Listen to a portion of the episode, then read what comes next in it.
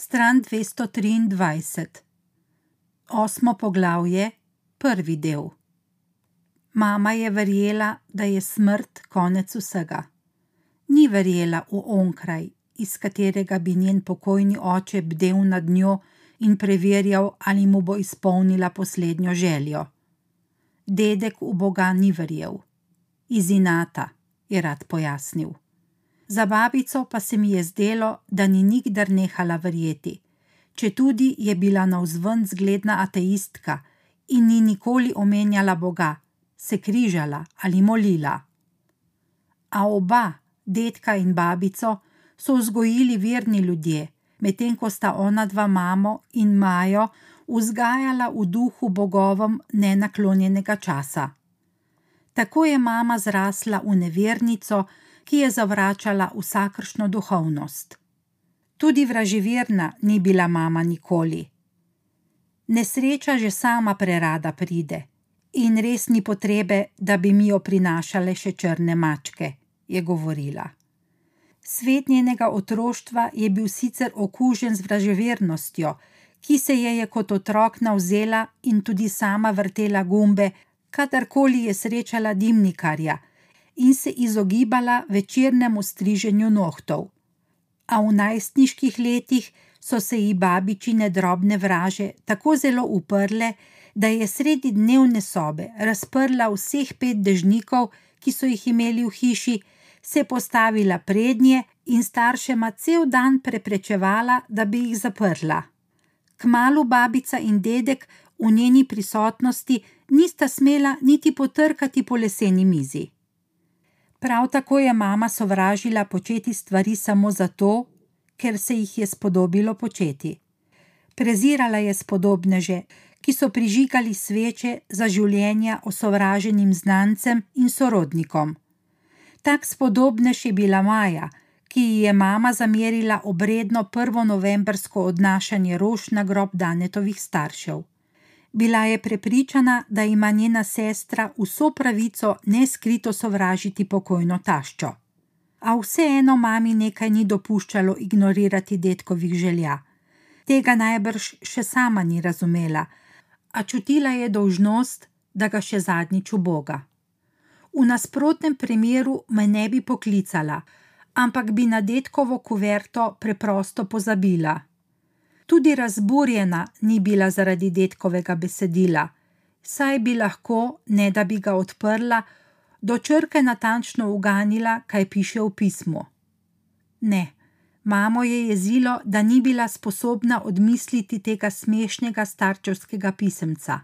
Nekaj v njej se je upiralo vsemu, v kar je verjela, in ni želelo sprejeti za njo neizpodbitnega dejstva, da so želje mrtvecev oksimoron, izpolnjevanje želja mrtvecem pa vrhunec človeškega idiotizma. Nekaj v njem je bilo nezvestega in je nasprotovalo njenim najglobjim prepričanjem. Od Momjana do Zagreba sva spregovorila le nekaj besed, a se mi je vso pot zdelo, da jo slišim, kako premišljuje. Upirala se ji je že sama ideja upepelitve in čutil sem, da ustrajno išče, a ne najde smisla v sledenju detkovim željam. Avdano je sedela na sovoznikovem sedežu in le občasno komentirala jutranjo meglo gorskega kotarja ali ugotavljala, da se prvič pelje po novi avtocesti med Reko in Zagrebom. Z detkovim truplom bodo upepeljeni tudi morebitni dokazi o njegovem samomoru, in nikoli ne bom izvedel, kako je umrl, sem pomislil ko sva z avtoceste zavila proti mestu. Za detkom mi bo ostala nerazrešena misel na njegove poslednje ure, a bilo je prepozno, da bi z mamo začel pogovor o tem. Kolikokrat sem si rekel, da bom, ko bom enkrat v Zagrebu, šel na Mirogoj, na grob Dražena Petroviča. Saj greš lahko danes. Danes pa res ne. Zakaj pa ne? Saj bomo v krematoriju hitro opravili. Tam gre kot po tekočem traku. Ne vem, če bom prave volje. Kakor želiš. Me boš ti usmerjala ali prižgem navigacijo? Vzravnala se je na svojem sedežu in se zazrla skozi okno. Na Mirogoju so pred dobrim letom, ali je bilo več, ne, dobro leto je moralo biti, morda tudi več, upepelili mojo sošolko s faksa, Anito, ki je umrla za rakom. Kako neumno se to sliši. Anita je res imela raka, a če je za čim umrla, je umrla za Zoranom, za svojim bivšim možem, za Bitango, kot smo ga ljubkovalno klicali zadnja leta. Na semaforju zavi levo. Zoran je bil prvorazredna Bitanga. Včasih je bil super dečko, inteligenten, pa za pogledat tudi. Novinarstvo je študiral v Zagrebu in kot prvi v svoji generaciji je dobil službo pri Vesniku, še preden je diplomiral. To je bilo za tiste čase res izjemno. Zdaj pa pelješ naravnost. Ti bom rekla, dokot. Mislim, da je dobil celo nagrado za mladega novinarja. Ne vem več, ampak saj je vseeno. Meni je bil vedno zelo simpatičen, lepo vzgojen fant, manirlih, kot bi rekla babica. Ampak potem se je nekaj skregal tam na vesniku, tam nekje konec osemdesetih je bilo to. Vedno je bil za odtenek prepameten in je dal odpoved in je prodal hišo svojih staršev na Unijah, rekel je Aniti, da nima smisla, da bi celo življenje hodila na isto mesto in da bosta poslej dopustovala na različnih koncih sveta, vsako leto druge, še naprej, tam, do tiste rdeče hiše. Bitanga in je imel idejo, da bo naredil svoj časopis, neodvisen, drugačen, podoben mladini, je govoril. Bil je pameten, a ne tako zelo, kot je bil ambiciozen, kot bi rekla Dinka. V glavnem, da skrajšam. Tu gre zdaj desno, pa potem gor v hrib. Ta njegova mladina je spektakularno propadla in tega ni mogel preboleti. Moški ego, to je neozdravljiva bolezen. Če bi takoj dojel, da ne gre, bi še šlo, ampak ni in ni hotel priznati poraza, bitanga. Hrvati so bili iz dneva v dan bolj ustašoidni, on pa je delal mlačen antifašistični tednik. Slab timing ga je do smrti zagovarjala Anita. Zdaj samo peli. Ja, pa jade, slab timing. Mislil je, da je genij, to je bilo to, da njemu ne more spodleteti, da je cela Hrvaška kupovala vestnik zaradi njega. Kar naprej. In potem se je kot prava moška reva zapil, namesto da bi se v rit brcnil in šel nazaj med novinarje, pisal črno kroniko karkoli, je začel sanjati o podjetništvu. Dolgovi so narasli in potem niti ni imel več izbire. Mislim, seveda jo je imel, vsak jo je imel, ampak prav takšne, kot je bil on, so iskali: inteligentne, dobre pisce, sesute in zadolžene, razočarane. In so ga kupili.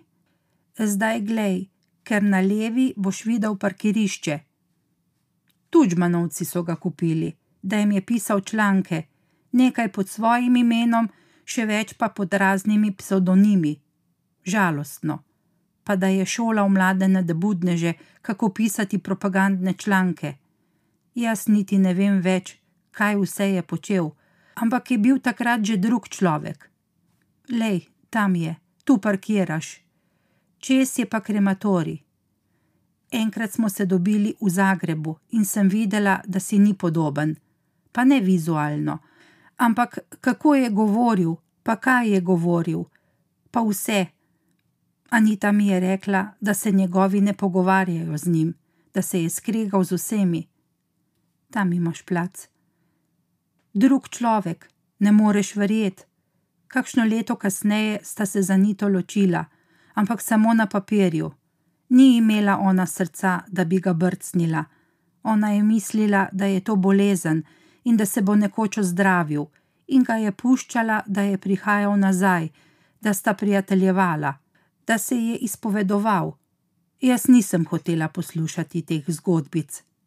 A si zaklenil avto? Prav, tam je prehod. Vem samo, da so bile svinjarije. On je zbiral in vodil mularijo, ki je na forumih pisala: A si misliš, a? Vse te njihove nacionalistične blodnje, vsa ta primitivna sranja je pisal. Z besedami preprostih, na pol pismenih ljudi. Bil je seljak Jozo iz Opuzena, pa veteran Stepan iz Koprivnice, pa kdo ve, kdo je še bil. Ko mi je to Anita razlagala, izploh nisem verjela. Ona je trdila, da je bila, to ji je on priznal, na forumih polovica komentarjev lažnih. Novodobna propaganda, je rekla. A vidiš, kje imajo? In potem je enega večera prišel do nje in ji rekel, da ji mora nekaj priznati. Ko sem se obrnil k njej, sem takoj vedel, da bo zgodba o Zoranu in Aniti ostala nedokončana. Mamin pogled ni več vedel za njo. Strmela je proti vhodu v krematori, nerazpoznavna. Previdno sem se obračal v smeri njenega pogleda, saj sem se bal prepoznati človeka, ki ga je zagledala. Ko nam je Safet izražal sožalje, smo mama, Maja in jaz mehanično dvigali in spuščali glave in mu podajali roke, kakor bi bil sosed, s katerim smo po selitvi izgubili stike. Uigrano smo skrivali presenečenje nad tem, da se je po dvajsetih letih pojavil enako nenadejano in nepojasneno, kot je izginil. Nihče ni namreč v besedi vprašanja, ki so mu ga zastavljale naše oči, in tudi Safet ga iz uljudnosti ali zaradi svoje togosti ni želel prebrati iz njih.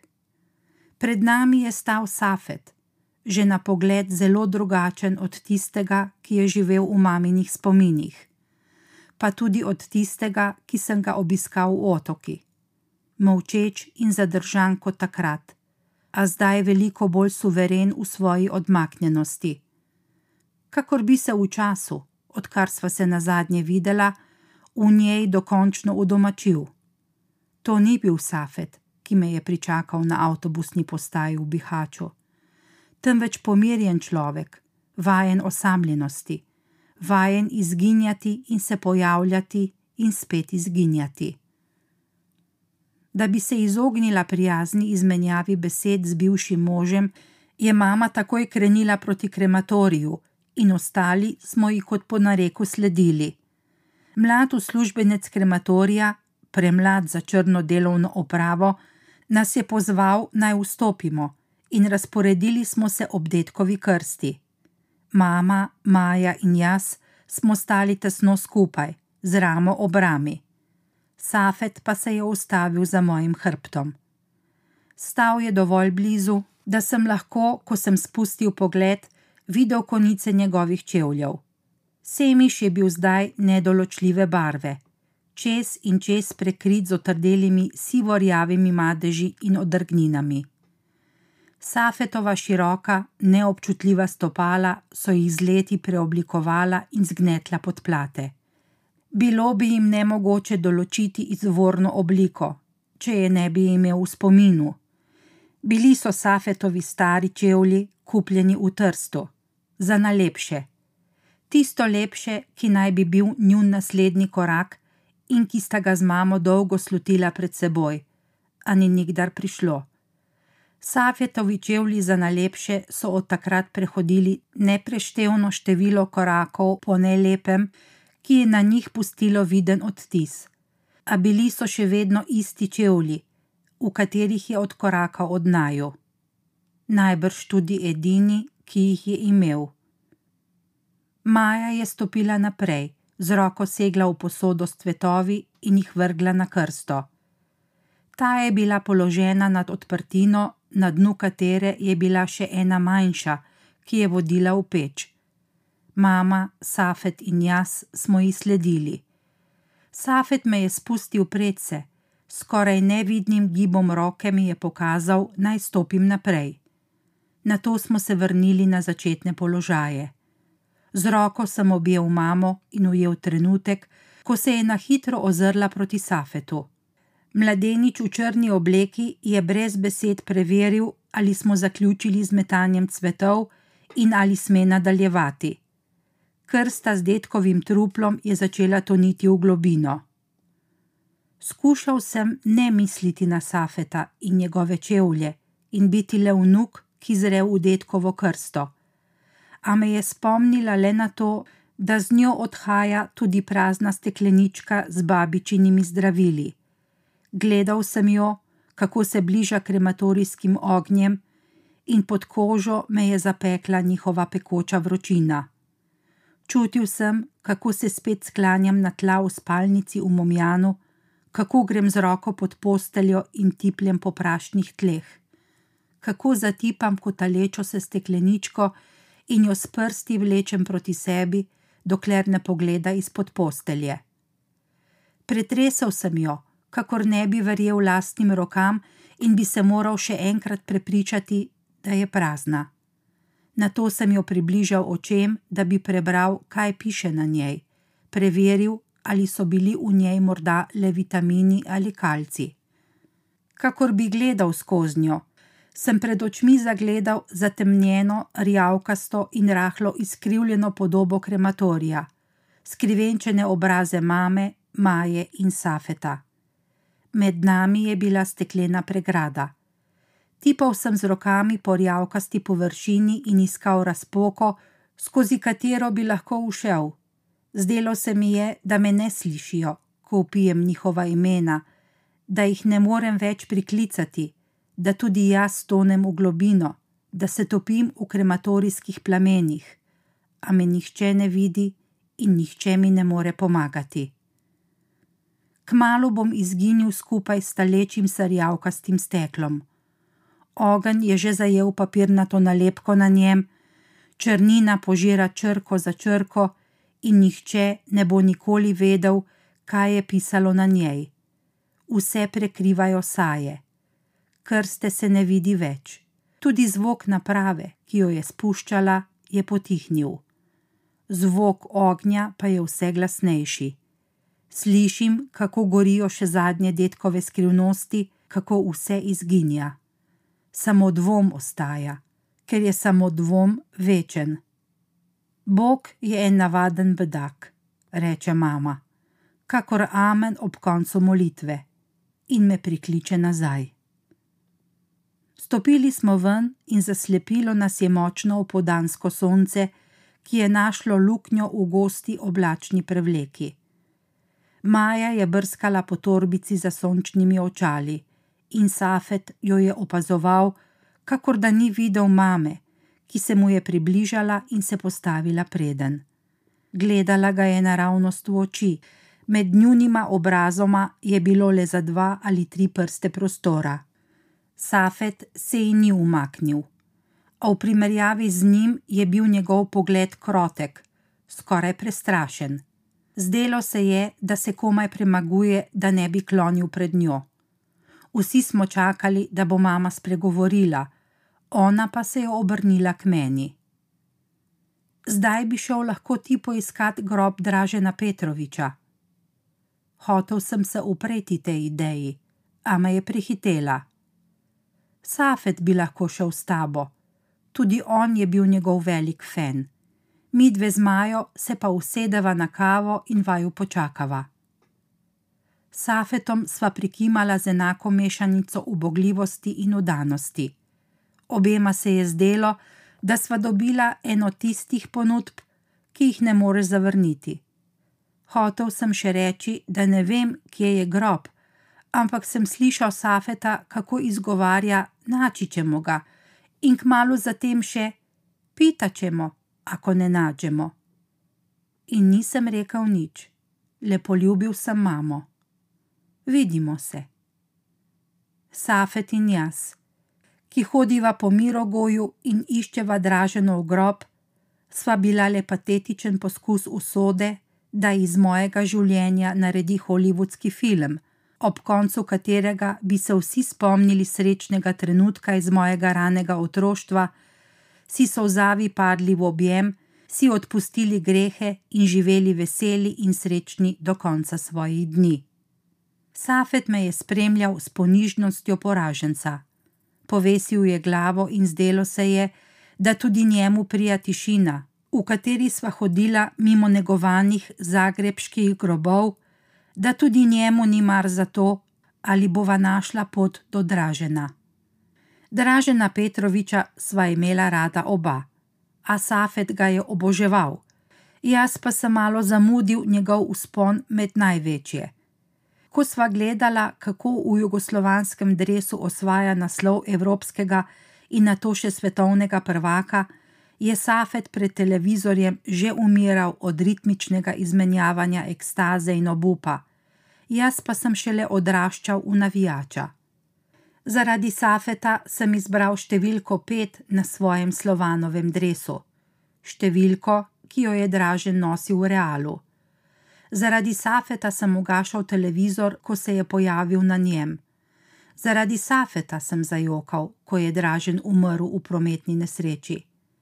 Zaradi Safeta sem zajokal, ko so navijači Partizana, trenerju Cibone, Draženovemu bratu Acu skandirali: Ubili smo Dražena, ubili smo Dražena. Jaz sem takrat slišal: Ubili smo Safeta. In ko sem mami na poti v Zagreb rekel, da bi šel rad na Draženov grob, sem res pomislil nanj, na Safeta a na grob sem hotel le zaradi Dražena.